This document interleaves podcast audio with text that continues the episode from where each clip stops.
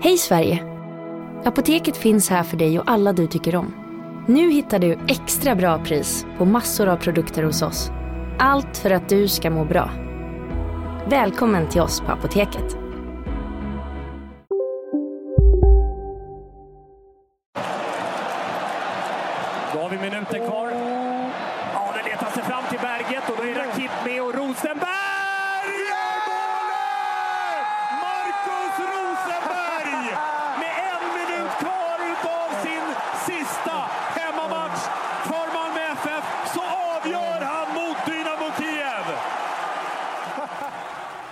Välkomna tillbaka till MFF-podden. Det här är avsnitt nummer 200. Bara en sån sak. Yippee! Jag heter Fredrik Hedenskog. Jag har sällskap av Fredrik Lindstrand och Max Wiman. Hej! Hoj! Klippet som ni hörde i början eh, använder vi med benäget tillstånd av Dplay. Personerna som hörs i det klippet är alltså kommentatorerna Tommy Åström, det är han som eh, pratar och skriker. Och Kim Källström, det är han som bara skriker. och eh, det är såklart eh, eh, sekvensen som där Marcus Rosenberg gör 4-3 för Malmö FF mot Dynamo Kiev. Och det känns ju som en Ja, det har nu gått eh, ganska många timmar men det är fortfarande väldigt många intryck att sammanfatta. Det Ja, kommer- du, lycka, du hittade inte riktigt orden där. Nej. När du skulle säga vad det målet var för någonting. Det kommer att ta tid att låta detta sjunka in, det är definitivt. Inte minst tror jag för oss som var och jobbade där igår kväll, man är mitt uppe i, liksom i det pro- produktiva eh, tänkandet. Och, eh, det blir många bilder. Jag, jag tänker till exempel så fort jag har möjlighet att sätta mig och se om hela den här matchen måste jag säga. Det, det känns ju helt... Det känns ju overkligt på ett sätt att det blir det slutet. Men på ett annat sätt så känns det fullständigt logiskt också. Det, man borde inte vara överraskad. På något sätt så är det någon som, som ska göra ett sånt avslut så är det nu Markus Rosenberg som, som jag har tänkt på mycket de senaste dagarna också. Jag har sett en del har plockat upp gamla tweets från eh, supportrar till andra lag och även MFF. Eh, eh, I samband med att han skrev på. Man liksom, ja ja, till sommaren så är det här över. Det är en spelare som inte har spelat på flera år och det är övervärderad och så vidare. Eh, Jag tänkte jag skulle leta upp vad jag själv skrev då. Jag, vet, jag, jag är ganska säker på att jag var på rätt sida av historien i alla fall. Den här gången. Men jag minns att det var stor skepsis. Och jag, mm, det tror jag vi kan skriva under på allihopa. Att det var nog ingen som hade väntat sig just den här typen av succé. Nej, jag, det är klart jag tänker tillbaka, jag kommer inte glömma den här eh, februarinatten. När eh, vi, stod, vi, vänt, vi satt och tittade på Super Bowl borta i Florida och väntade på signalen att Rosenberg skulle komma till förläggningen. För han kom ju direkt från England då. Och eh, han kom mycket riktigt mitt i matchen och eh, den intervjun var ju också väldigt speciell. Eh, Han, han visste ju inte så mycket då egentligen han, eh, men han, han gjorde ett lika proffsigt intryck redan då som han har gjort hela resan sen. hur, jag tänker, samtidigt som det här eh, matchen som var igår, hyllningarna som vi var fantastiska på alla sätt och vis, så känns det ändå lite konstigt eftersom det är en match kvar. Ja. Två säger då, en träningsmatch. Ja, den, Nej, det, det blir ju lite blir ju så. Men uh, Ove Rössle tog faktiskt upp det på presskonferensen. eh, eh, och det gjorde ju Marcus eh, Rosenberg själv. Eller Ove Rössles presskonferens. Det var, det var jag som satt där och frågade honom. det var bara jag där. Uh, vilket ju var det bra för oss men lite märkligt. Hur som helst eh, så tog Rosenberg upp det att, att det var skönt att, att den matchen kommer nu. För att eh, nu kan han koncentrera sig på på fotbollen. Det kommer inte vara hås kring den på allt samma sätt. Inte, inte för hans person i alla fall. Även om han nog inte går helt fri så att säga. Ja, och han sa ju också att han var glad att inte sista matchen var hemma.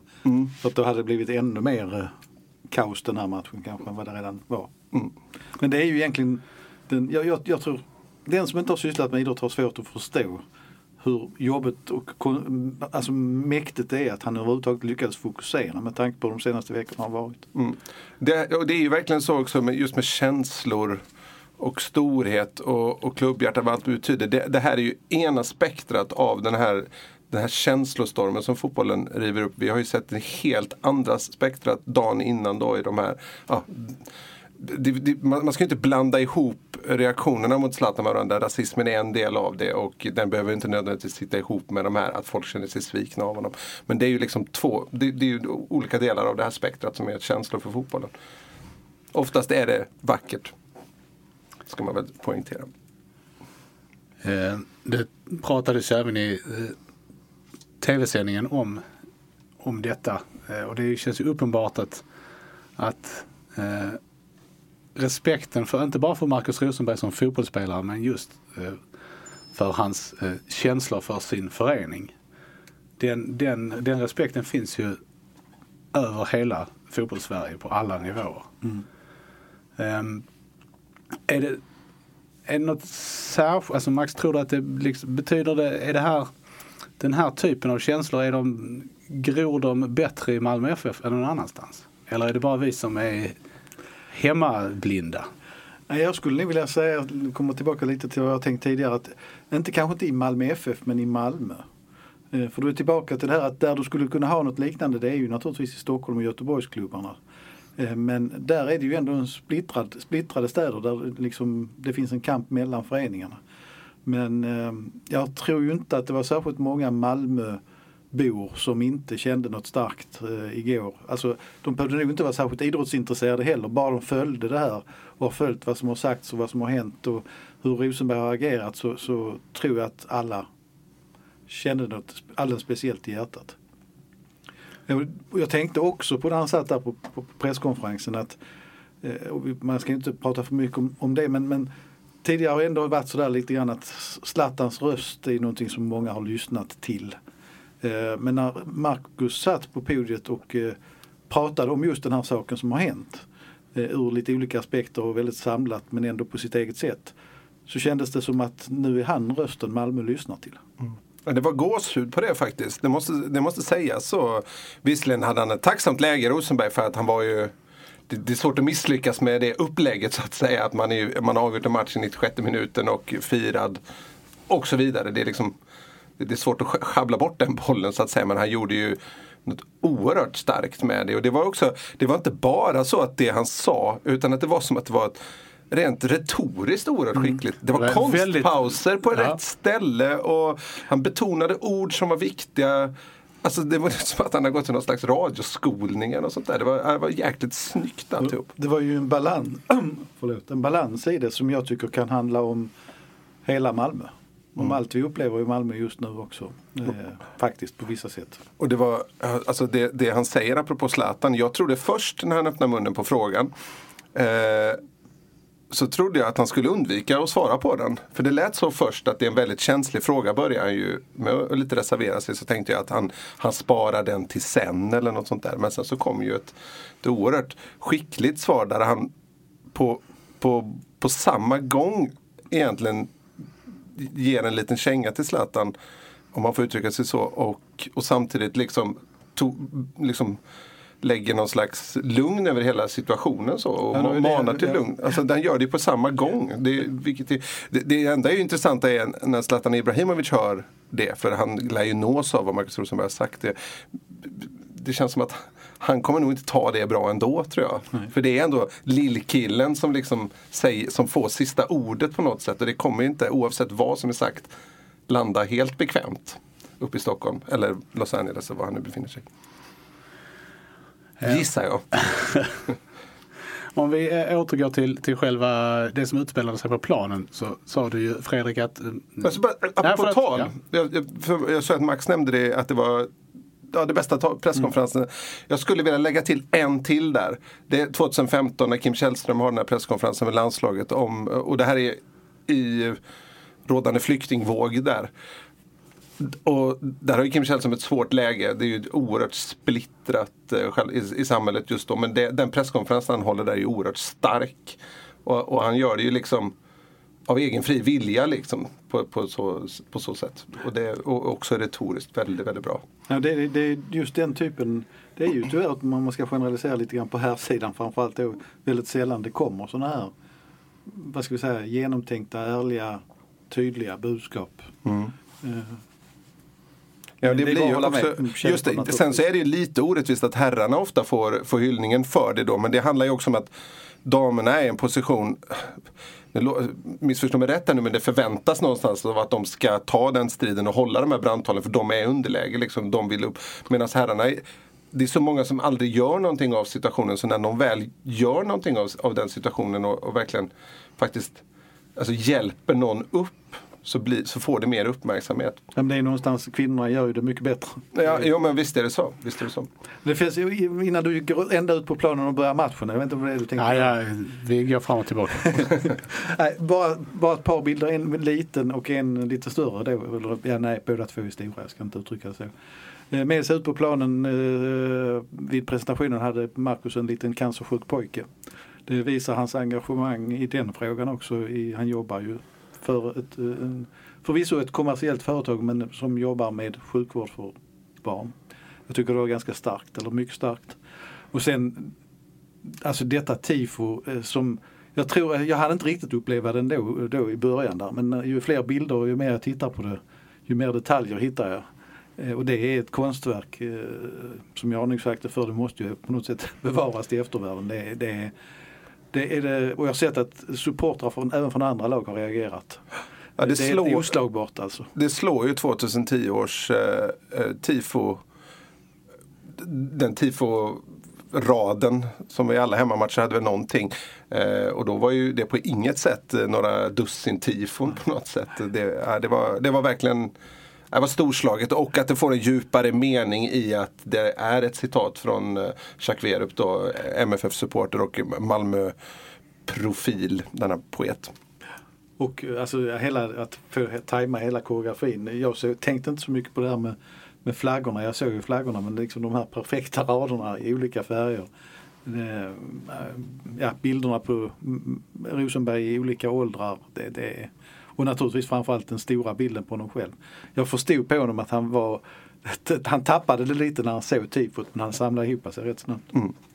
Men apropå det här om det bara kan hända i Malmö. Så jag, tänkte, jag tror också det är svårt att hända i Stockholm för att det är tre lag och det, det är svårt att liksom ja, man kanske, det kanske måste vara en lite mer koncentrerad stad. Jag skulle dock, nu ska jag komma dragande med Göteborg här igen, men det finns ju lite samma, nu har ju inte de haft någon fos, fotbollsmässig profil på det viset. Eh, Tobias Hysén tackades jag förra året, men eh, han har väl faktiskt vunnit lite för lite med IFK Göteborg och för, för att det ska vara samma sak. Och, eh, går vi bakåt i tiden, Torbjörn Nilsson skulle kunna ha ungefär samma status men det, man, man avtackades inte på samma sätt på den tiden.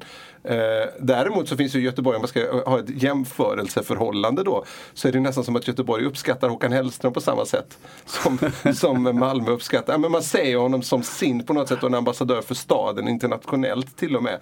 Även om det inte går så himla långt utifrån Skandinavien. PGA-språket. Det jag menar lite det är ju som Torbjörn Nilsson är ju definitivt på den nivån. Alltså som kultur, kultfigur. Men han kan ju aldrig bli det i hela Göteborg därför det finns öisar och gaisare som säkert alltså uppskattar honom men det är, det är ändå en väldigt stark rivalitet och det, något motsvarande finns ju inte här. Göteborgarna är ju så desperata efter, en, eh, efter sådana frontfigurer så de har ju till och med tagit Bruce Springsteen i sina hjärtan. Det, det säger ju en del. Men det kan ju hända där i alla fall. Det var det som du var inne på senast med eh, special re- relationship. Exakt. Det är bara att den ena parten i det fallet inte riktigt känner till detta. Hugg inte på Bruce, vi väntar bara på att hans turnéplan ska släppas. Till och med tänka mig att åka till Göteborg. Ja, alltså, ja, han får komma till Malmö annars får det vara. eh, jo, det som hände på planen. Du sa ju i början här Fredrik att man är eh, förvånad men ändå inte. Kan, du, kan du utveckla detta? Nej, men det, det, det syftar väl framförallt till att Marcus Rosenberg har någon slags eh, sjätte sinne för att avgöra matcher och kliva fram när, när det gäller att vara som allra bäst.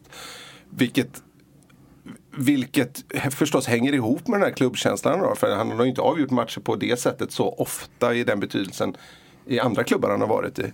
Utan han blir några procent bättre av att brinna för dels matchens betydelse men framförallt vad matchen betyder för klubben.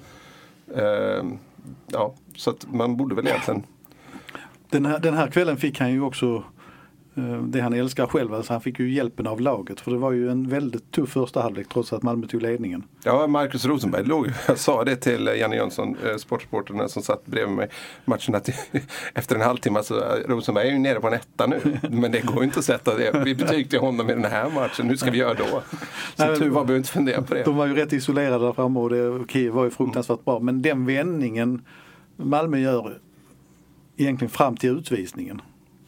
Eh, det är ju på den här magiska Europanivån där vi pratar Salzburg och Celtic och egentligen alltså då även insatsen mot uh, Atletico Madrid även om det inte blev poäng där. Det, det var ju uh, fantastisk fotboll stundtals. Ja. Vad drar vi då för professionella slutsatser av detta Max?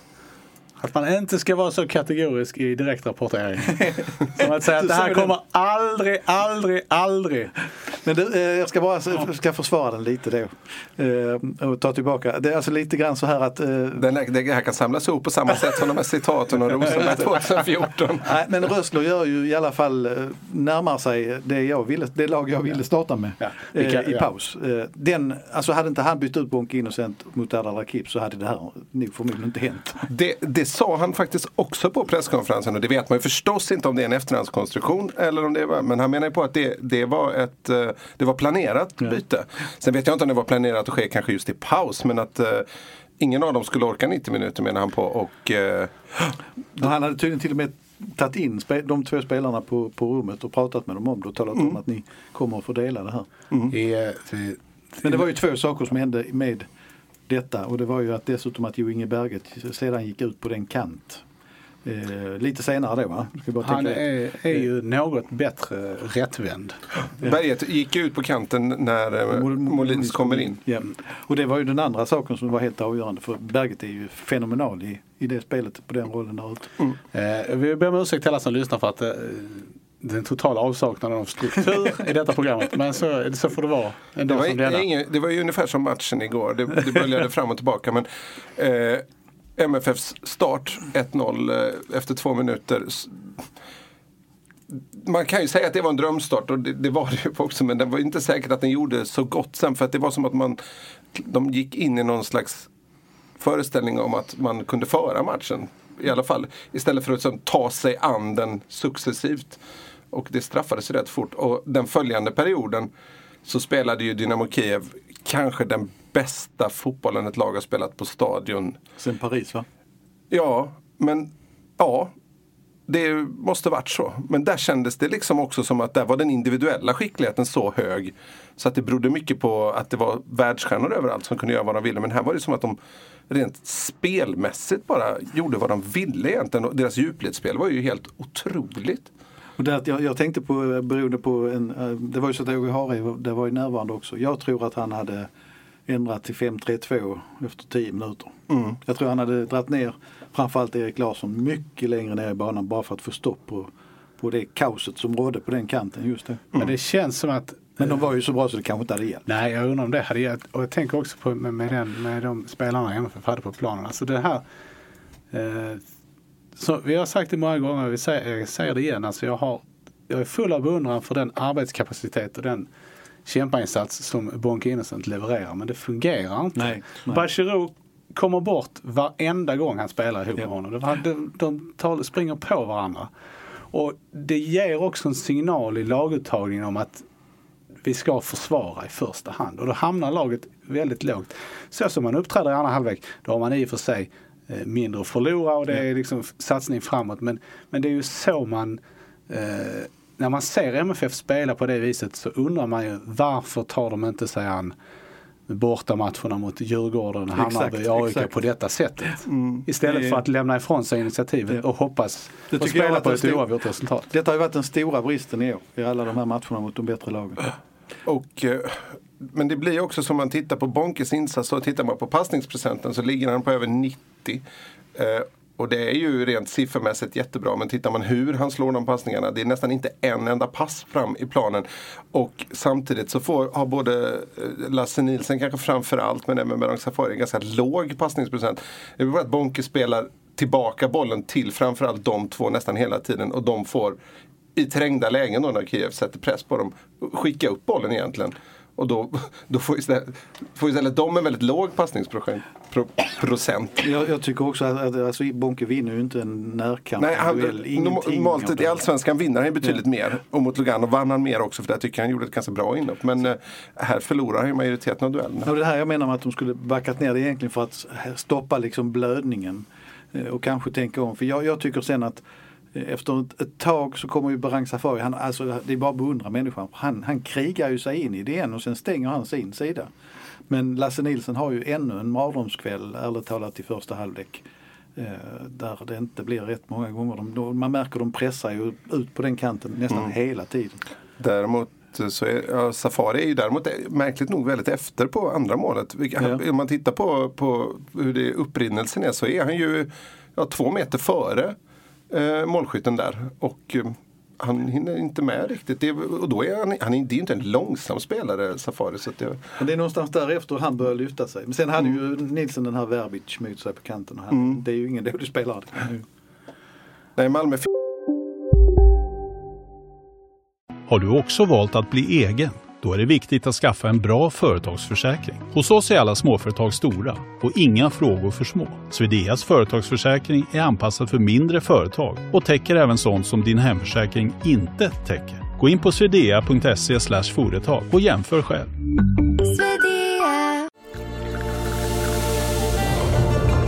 Välkommen till Maccafé på utvalda McDonalds restauranger med Baristakaffe till rimligt pris. Vad sägs om en latte eller cappuccino för bara 35 kronor? Alltid gjorda av våra utbildade baristor.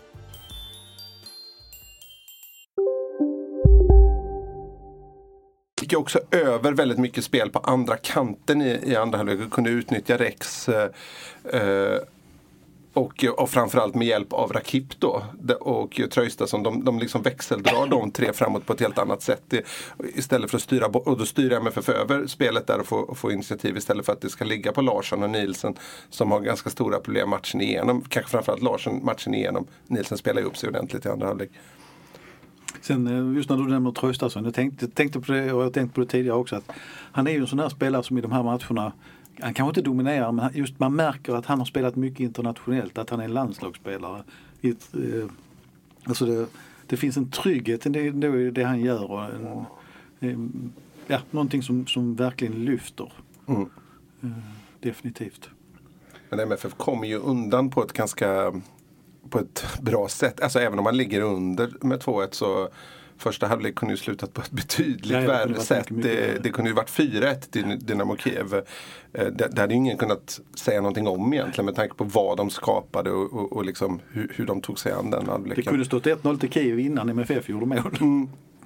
Faktiskt. Nej, det var yrvaket eh, på många sätt. Men, eh, så, så att, och, och då hade ju Malmö FF varit ute nu. Då hade, då hade ju säsongen varit sämre än förra året. Nu kan den ju plötsligt trumfa den. Nu ska vi prata om MFFs mål. Så det är ju första efter en hörna. Det är ju och positivt och det var ju en intränad variant. Rasmus Bengtsson har för övrigt gjort mycket internationella mål i år. Mycket i kvalet i somras. Mm. Och sen även eh, Rosenbergs 2-2 är ju efter en fast situation där Traustason smart slår en frispark på honom. Det tyckte jag var spännande att se båda dem. Bedrövlig eh, Markering. måste man Ja, säga. han, är aldrig, han är aldrig någonsin markerad. I hela den sekvensen. Men det gäller ju att se det där också. Det fanns något annat sånt läge där man inte såg passningen. Jag tror det var Rex som fick den alldeles för sent. Och det, redan där visar ju Rakip, det är ju han som driver upp och, och, och fixar den frisparken. Om man nu får säga fixar en frispark, för Nej, det det får får man man, inte alltid upprörda läsa Ja. mig då. Sen är det ju ett väldigt fint växelspel mellan Rakip och Rex. När Rakip gör ett fantastiskt fotbollsmål. Och sen. Och sen har vi det sista. Ja, ska- Alltså, det, Vi har ju det ett finns- emellan där också. Det är ju en eh, syn- synnerligen tveksam frispark som, som föranleder den. Eh, Berget gör en lite märklig markering på första ytan där. Där han liksom följer sin man. Du tänker kvitteringen? Ja precis, frisparkskvitteringen. Han liksom följer sin man där och försöker vända i luften och nicka bort den. Det är svår, jag tittar på sig, alltså de är svåra och svåra, svåranalyserade de. Jag tycker MFF tittar lite för mycket spelare överlag. Ja, det är och lite för lite på boll. Berget, är den enda som försöker nå bollen. Ja precis, men han har ju liksom Nej, sprungit ju- förbi ja. situationen när den kommer. Så, men det är alltid svårt att liksom peka på någon Men, men om man tittar på, på den lagmässiga försvarsinsatsen där så, så tittas det lite för mycket på boll. Men, men ska man säga någonting om MFF innan där så är det ju när det röda kortet kommer så börjar man ju spela på resultat lite för mycket och Ja, blir man- lite passiv. Jag, jag, tror, jag tror det är en kombination att MFF blir passivt och att uh, Kiev blir eh, förbannat och desperat på något sätt. Att de bara öser framåt igen. Eh, det hade behövts en timeout där eller så att inte utvisningen hade kommit så hade nog matchens förlopp blivit lite annorlunda. Men, eh, Ja, sen hade vi det sista målet också. Ja, och det, alltså det är ju, om man, vi, vi, vi, jag tror vi slutade andas, eh, både jag och eh, de som satt närmast mig på läktaren. eh, När, det är ju Rasmus Bengtsson som slår en boll ut till Jo Inge Berget på kanten. Och jag vet inte hur många centimeter luft det är mellan den försvararen och bollen som, när han kastar sig fram. Och det är riktigt sådär man tänker shit nu blir det kontring på andra hållet. Men Berget står bara lugnt liksom och avvaktar. Han, han ser på något sätt att bollen ska gå förbi. Och, Eh, sen slår han ju ett, eh, sitt patenterade inlägg skulle jag vilja säga. Hård skruv, hårt eh, slagen. Helt perfekt. Och, sen, och sen så kommer ju faktiskt det som är det mest imponerande med. Alltså det, det avslutet. Ja. Det är ju, jag vet inte. Det är inte jättemånga spelare i, i, i Sverige som kan sätta den bollen. Och jag tänker då, när man liksom börjar fundera tillbaka. Hur många mål har Rosenberg gjort på ett tillslag? Nej, han Det måste vara f- väldigt, väldigt många. Han är, Det är oftast det som, som karaktäriserar en riktig målskytt, att man behöver bara ett tillslag. Ja, men han, det, ja, det, det är någonting som sitter i ryggmärgen på honom. Att han inte tar fram, ska försöka ta fram bollen en meter till. Men det, det, det är ju också internationellt snitt. Det är något man lär sig utomlands. Då finns inte tiden att ta emot bollen och skjuta. Den måste skjutas in direkt. Och sen den sekvensen där är ju, det är ju liksom Salzburg-nivå på den plötsligt. När, eh, på något sätt tycker jag det blev, kanske fel uttryck, men det blir väldigt fint att han inte bara springer bort mot klacken utan han kan inte hålla sig. Han hoppar rätt upp i, i famnen på dem. han kom ju lämpligt eh, till den lilla eh, stegen som är där. Ja, just det. Så att han kunde klättra upp lite Ja, han, är, han är gammal nu. Han kan inte hoppa upp. Han, får, det behöver stega upp. Det speglar på något sätt honom också. Det kanske finns någon annan spelare som vi har pratat om här som hade tagit den stunden till att eh, visa att han stod i centrum och på alla sätt liksom skulle lyfta fram sig själv. Det finns Men ju, han ja, David Beckham hade ju eh, i ett sånt läge haft full koll på var eh, Han hade stått på trappan redan. Ja, men, nej, men var tv-kamerorna stod någonstans. Det var inte riktigt honom jag tänkte på. Nej, precis. Nej, jag misstänkte också det. Men jag tänkte nu kan någon annan få. Nej men just att han, eh, han har lyft laget och han har lyft supportrarna och han springer rätt upp i famnen på dem. Sen kommer väl Malmö riskera en viss bestraffning för att det var folk som hoppade över staketet. Om det inte är en kontrollant som har väldigt känsla för stundens... Ja, det är lite, alltså med tanke på, på den, eh, på, på Uefas eh, direktiv där om eh, vad som väntar MFF vid regelöverträdelse så är det ju faktiskt det, hade ju varit helt sanslöst om, om MFF går till 16-delsfinal nu och får spela den i tom ståplats på grund av firandet av Marcus Rosenberg. Men ja, det vore ju helt... Å andra sidan, det är en taktlös organisation Uefa. Ja, det hänger helt, alltså, det, detta är helt individbaserat. Det hänger helt på vilken, vilken kontrollant som var där. Fortsättning Jag tänker att om kontrollanten stannade kvar efter matchen så kanske han förstod kontexten. Ja, men det, Jag utgår att, från att det var en man, jag vet inte. nej, du, det är inte alls eh, säkert faktiskt. Det är väldigt ofta k- kvinnliga representanter. Från Ja, just det. Det var ju framförallt under det här året 2011 när Rickard Norling var i Malmö. Så var det någon kvinnlig Uefa-kontrollant som var där och såg till att vattenflaskorna stod på rätt håll och att bollarna var i rätt färg. Han blev ju liksom lite tjenis med henne och hon var så himla, hon var lite förskräckt sådär för att han var så konstig. Ja, sen, sen, jag tror om det, var då sen Samman kom tillbaka 2014 att för Malmö ville ha tillbaka henne för att man kände liksom att man hade börjat få henne att, att eh, känna lite för det här och liksom hon har mjuknat i sin Ja men precis, för det var lite roligt, man såg under den här hösten att Rickard Norlings märkliga hälsningsfraser och lite luriga frågor till henne att hon var obekväm först. Men sen så blev det som att, förhålla, att hon liksom vande sig vid Malmö FF. Sen när det var så var det riktigt trevligt. Nej men det, är som sagt det, det är väldigt avgörande tror jag hur kemin och hur de tar den här. Så, så vi får väl se vad som händer. Men det, det, det, den spontaniteten kan ju ingen ta bort. Ingen, ingen kan ju på något sätt eh, jag, jag kan inte klandra någon för att man firade i det läget. Mm. Och man trodde kanske, hade någon känsla inför matchen sådär. Ändå, jag ska inte säga att det var avslaget inför matchen, men det var kanske ofokuserat i ett bättre uttryck. För det var så mycket annat. Eh, och man trodde kanske någonstans med tanke på vad det har varit hur det har varit de senaste matcherna, att de här magiska Europarna, att tiderna, deras tid var över lite grann. Att det kanske hade blivit lite för lite vardag på något sätt. Eh, med allt vad det innebär, även om det förstås är så här ljudtoppar och sådär. Men så, så blev det, det här, den här är ju definitivt där uppe med Sparta Prag och Salzburg Celtic, om inte om det till och med ännu bättre. Alltså häxkitteln var tillbaka. Jag tyckte klacken som då ändå leder det gjorde det väldigt snyggt för det var väldigt mycket fokus på Rosenberg innan. Mm. Men så fort det var avspark så markerade de med ramsor och sång att det var laget. Mm. Och nu blev det ju dessutom så att Malmö fick den här tidiga hörnan och redan då så stod båda långsidorna upp. Och det, det var ju det som hände mot Salzburg. Sen, sen var det ju så, jag hann inte titta, men det var ju långa stunder då faktiskt folk stod upp hela tiden. Så att, eh, den och efter 2-1 så var det rätt eh, deppigt. Ja, det, det, det man kände det framåt pausen. Men eh, det är klart, i och med att 2-målet kom så direkt, det var inte många minuter in på andra halvlek. Så, så, och att Rosenberg gjorde det så vände det ju igen. Eh, jag tänkte på eh, vad gäller de individuella prestationerna då utöver Rosenberg så har vi ju varit inne på Rakip men jag tycker att det finns anledning att prata lite mer om, om honom. Mm. Eh, den insatsen som han levererar, visserligen utan så mycket att förlora men efter det året han har haft. Det var något som måste få MFF att känna, känna sig positivt inför nästa säsong. Verkligen, jag tycker faktiskt att eh, Rakip har agerat oerhört professionellt under hela hösten. Det kan inte ha varit en lätt Nej, situation.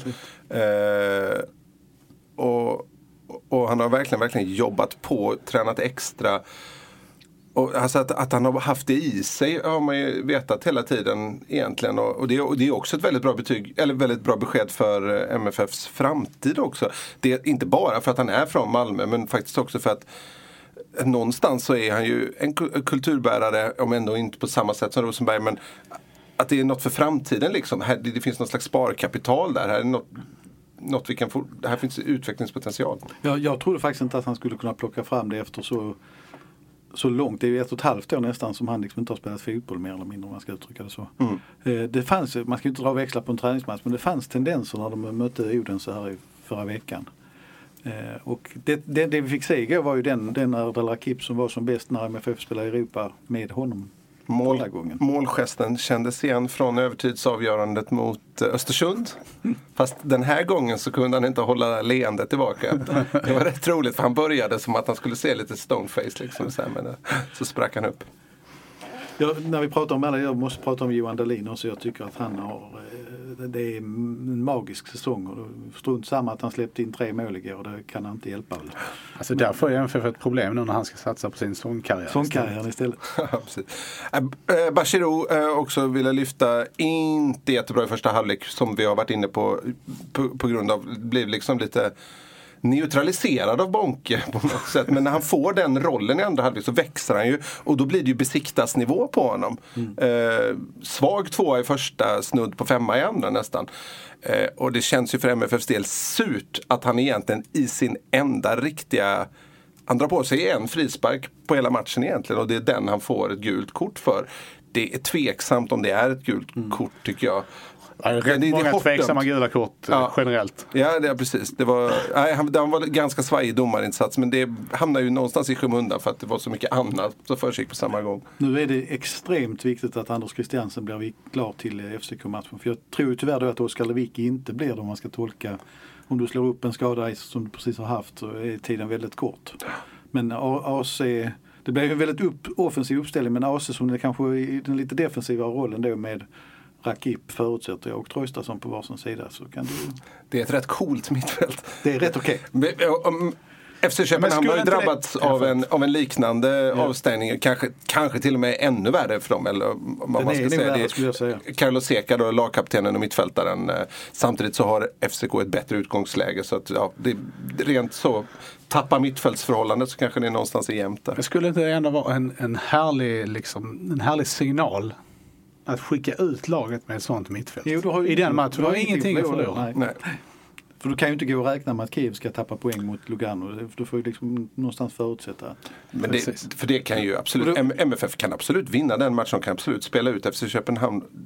De har rullat ut en ny gräsmatta på parken här häromdagen. de möter Eh, Brönnby i helgen. Ska jag på. Precis, så att eh, det finns, det, förutsättningarna finns där. Liksom. Jag kom på mig själv faktiskt för det är ändå starkare än så. För det är ju faktiskt så här att eh, MFF, är- det, det utgångsläget är ju att Malmö FF måste slå FC Köpenhamn. Och då förutsätter vi att Kiev slår Lugano. Men om Kiev inte slår Lugano så spelar det ingen roll vad MFF gör. Så de har absolut ingenting att förlora. Därför att då, då, om eh, Kiev tappar poäng så kan MFF förlora mot FC Köpenhamn. Mm. Så att det, är, det är verkligen bara att tuta och köra. Det finns ingenting att fundera. Precis, och när man säger då att att det hade inte spelat någon roll egentligen om det blir kryss eller vinst för MFF igår. Så är det ju just det som den där vinsten, Rosenbergs eh, övertidsmål, gör då. Att, eh, att eh, MFF, att det finns scenarier där MFF kan tappa poäng eh, och ändå gå vidare. Det hade det inte gjort annars. Plus att man, eh, det känns också som en eh, klart mer positiv ingångs, eh, ett mer positivt ingångsvärde att ta med sig en vinst. Precis. Men det var Fast- ju så här, Istället för att ha tappat en ledning med Ja, tio och, och just då så kändes ju nästan gruppläget underordnat att Marcus Rosenberg fick avgöra den matchen. Någonstans. Nej, men så det var ju enda som, som vi pratade om, det var ju liksom just det här att eh, ett mål i baken hade ju betytt godnatt. Och det var ju lite vågat. Eh, men jag förstod på Ove Rössler att han tyckte också att det var lite för offensivt. Eller rättare sagt lite oförsiktigt spel i backlinjen några gånger när man valde att spela upp bollen istället för att skicka upp den när, när det drog ihop sig. Mm. Men kul var det. Kul var det. Det var Eh, faktiskt vi- roligt. Jag vet inte hur mycket ni, om ni hade möjlighet att se det men jag satt ju kvar ute och såg det som följde efteråt. Eh, Nej, jag satt och knackade du text. satt och skrev och Jag var här på redaktionen eh, hade inte tillgång till annat än kanal 9. Så, Så att, jag fick så. se mål, alla målen i grupp J.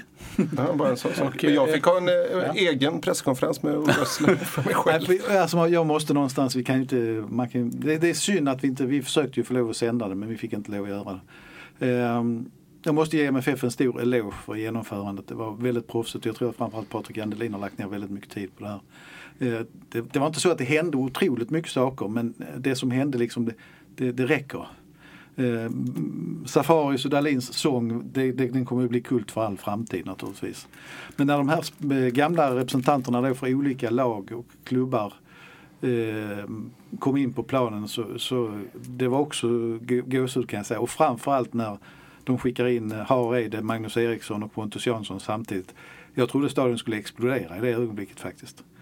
Eh, och eh, hela vägen fram till när, eh, jag förstår inte hur ungarna kunde hålla sig vakna men, men familjen Rosenberg kom ut på planen på slutet och det är klart att det var, då, då brast det ju för honom också. Du som är dokumenterat känslomässig person Max, hur hanterade du detta? Eh, jag direkt rapporterade och skrev krönika samtidigt så det var lite rörigt kan jag säga. Eh, nej men det är klart att det var väldigt speciellt. Man hade ju format, eh, vilket inte kanske alla uppfattade beroende på hur man satt, men i ljusblått som en nia på planen också. Hela laget stod och formade. Det var sådana små detaljer. Hareide kramade om Rössler, Werder Bremen-spelaren som jag nu tappat namnet på, Baumann. Frank Baumann. Eh, artig tysk gick direkt fram till Rössler på vägen ut och hälsade på honom. Eh, Pontus Jansson hälsade på väldigt många. Eh, jag såg det inte själv för övrigt men när Rosenberg gjorde 4-3 så bildade de ju tydligen en sån klunga där uppe i logen allihopa. Eh, TV-puckklunga. Men, nej, men det, var, det var väldigt, och sen då avslutar Rosenberg med ett, ett fantastiskt fint tal. Som han påstår sig inte riktigt ha förberett men som ändå kändes som han hade ju tänkt till. Och, Ja, det var lite för bra för att inte vara genomtänkt. ja, det var det faktiskt. Sen om man ska bara klämma, alltså bara för, för det, det var däremot spontant. Så liksom när allting faktiskt ebbar ut så börjar klacken sjunga hymnen. Och liksom, då känner man, ja nu är det här färdigt, nu är det inte mer.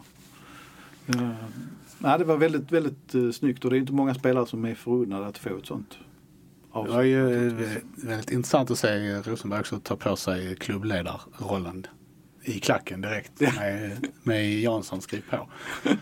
Ehm, Det är också liksom, det säger ju så otroligt mycket om hur han ser på sin roll. Ja, men att, han får sitt eget firande och faktiskt handla om någon annan. Det är lite annat än att regissera sitt eget avslut och få in eh, barnen, blå- blåsa av en match och dra in barnen där det står King och Legend på tröjorna. Det är liksom, det, det, det är underhållande båda två men det är, ja, det är olika. Jag kan också säga att det var ju faktiskt, eh, Kiev-supportrarna lämnade ju men det var inte många hundra som gick hem innan det här började sen. Och det var ju, klockan var ganska mycket och eh, det regnade stundtals rätt så bra. Det regnade inte direkt in på de flesta men, men det, var, det, var, det var ett väldigt, väldigt fint ögonblick för, för eh, Rosenberg men för Malmö. Vi gör så här att vi återkommer inför det som då kommer att bli Marcus Rosenbergs allra sista match. Eh, om det inte är så att ni har mer att säga här, men det känns som att det är fortfarande, i alla fall jag håller for- fortfarande på att bearbeta det här lite. Det är sällan, om någon gång, som man har blivit så påverkad av någonting eh, i jobbet. Tycker jag. Man, det är väldigt lätt att hålla sig distanserad men det var svårt. Det var svårt. Jag kan säga det, när du säger just det här att man håller på att bearbeta det som hände. Jag stod och pratade några ord med Ove Rössler när de var på väg in till att de skulle fortsätta firandet. Så han stod för övrigt och käkade en dansk pölse. Jag tyckte det var lite roligt. Han ville inte jag skulle ta bild på det. Jag. Men eh, så, sa, så sa jag någonting framåt mot FCK så bara tittade på han på mig så sa han Ja, men till och med jag kan väl bara få tänka på detta ikväll. så att eh, det är väl, de, Malmö börjar starta ju om med träningsläger i Spanien på måndag. Och spelar en match mot Marbella FC nästa torsdag. Vi andra gnetar på här i... eh, Höstrusk. ja. Men idag är himlen blå. Ja, både och. Det har ju snöat mellan varven här också. Ja, det, det blåser det 20 veta. meter per sekund. Så. Så är det. Det här har varit avsnitt nummer 200 av MFF-podden. Där vi anser att konstgräs ska förbjudas i svensk elitfotboll. Jag heter Fredrik Hedenskog. Jag har haft sällskap av Fredrik Lindstrand och Max Wiman. Ansvarig utgivare är Pia Renqvist och vi låter Marcus Rosenberg få sista ordet i detta jubileumsavsnitt. Tack för oss. Hej hej! Hej, Hej då. Eh, nej, berg och dalbana med känslor. Eh, en situation man aldrig har varit i förr. Eh, allt från eh, dagarna innan till tifot. Eh, jag bara såg mitt ansikte och eh, då brast det. Så jag, inte, jag vet inte riktigt vad det stod. Så att, eh, kunde inte riktigt kolla upp. Eh, men som sagt, eh, svårt att hålla fokus på matchen. Liksom. Eh, allt innan och ja. Men det blev ju ganska bra ändå till slut. Redo för sportlovets bästa deal? Ta med familjen och njut av en Big Mac, McFeast eller Cooper Cheese och Company plus en valfri Happy Meal för bara 100 kronor. Happy Sportlovs deal, bara på McDonalds. Ni är med om det största. Och det största är den minsta. Ni minns de första ögonblicken. Och den där blicken gör er starkare. Så starka att ni är ömtåliga. Men hittar trygghet i Sveriges populäraste barnförsäkring. Trygg Hansa. Trygghet för livet.